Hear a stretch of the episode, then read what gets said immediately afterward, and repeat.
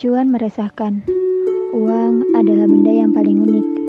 Bahkan uang mampu mempengaruhi kehidupan manusia.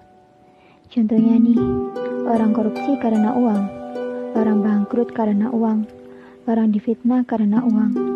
Hidup di dunia yang serba instan ini, yang dibutuhkan adalah cuan. Kata orang, gak ada cuan gak hidup. Untuk mendapatkannya pun sangat banyak caranya, seperti trading, investasi saham, youtuber, dan ada banyak cara lagi. Saking banyaknya cara, orang-orang tidak tahu kalau cara yang dia dapatkan itu salah. Rasulullah SAW pernah bersabda, Marugilah budak dinar, dirham, dan kotifah, pakaian.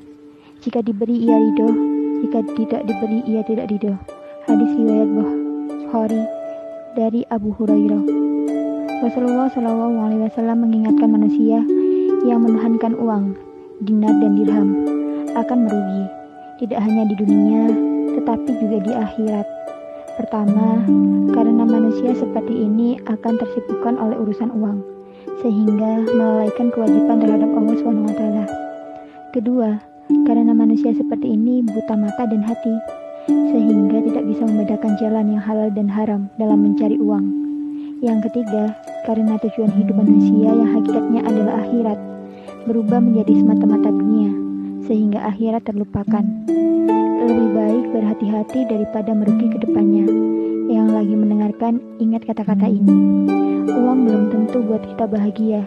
Yang bisa buat kita bahagia cuma orang tua, keluarga, dan teman-teman.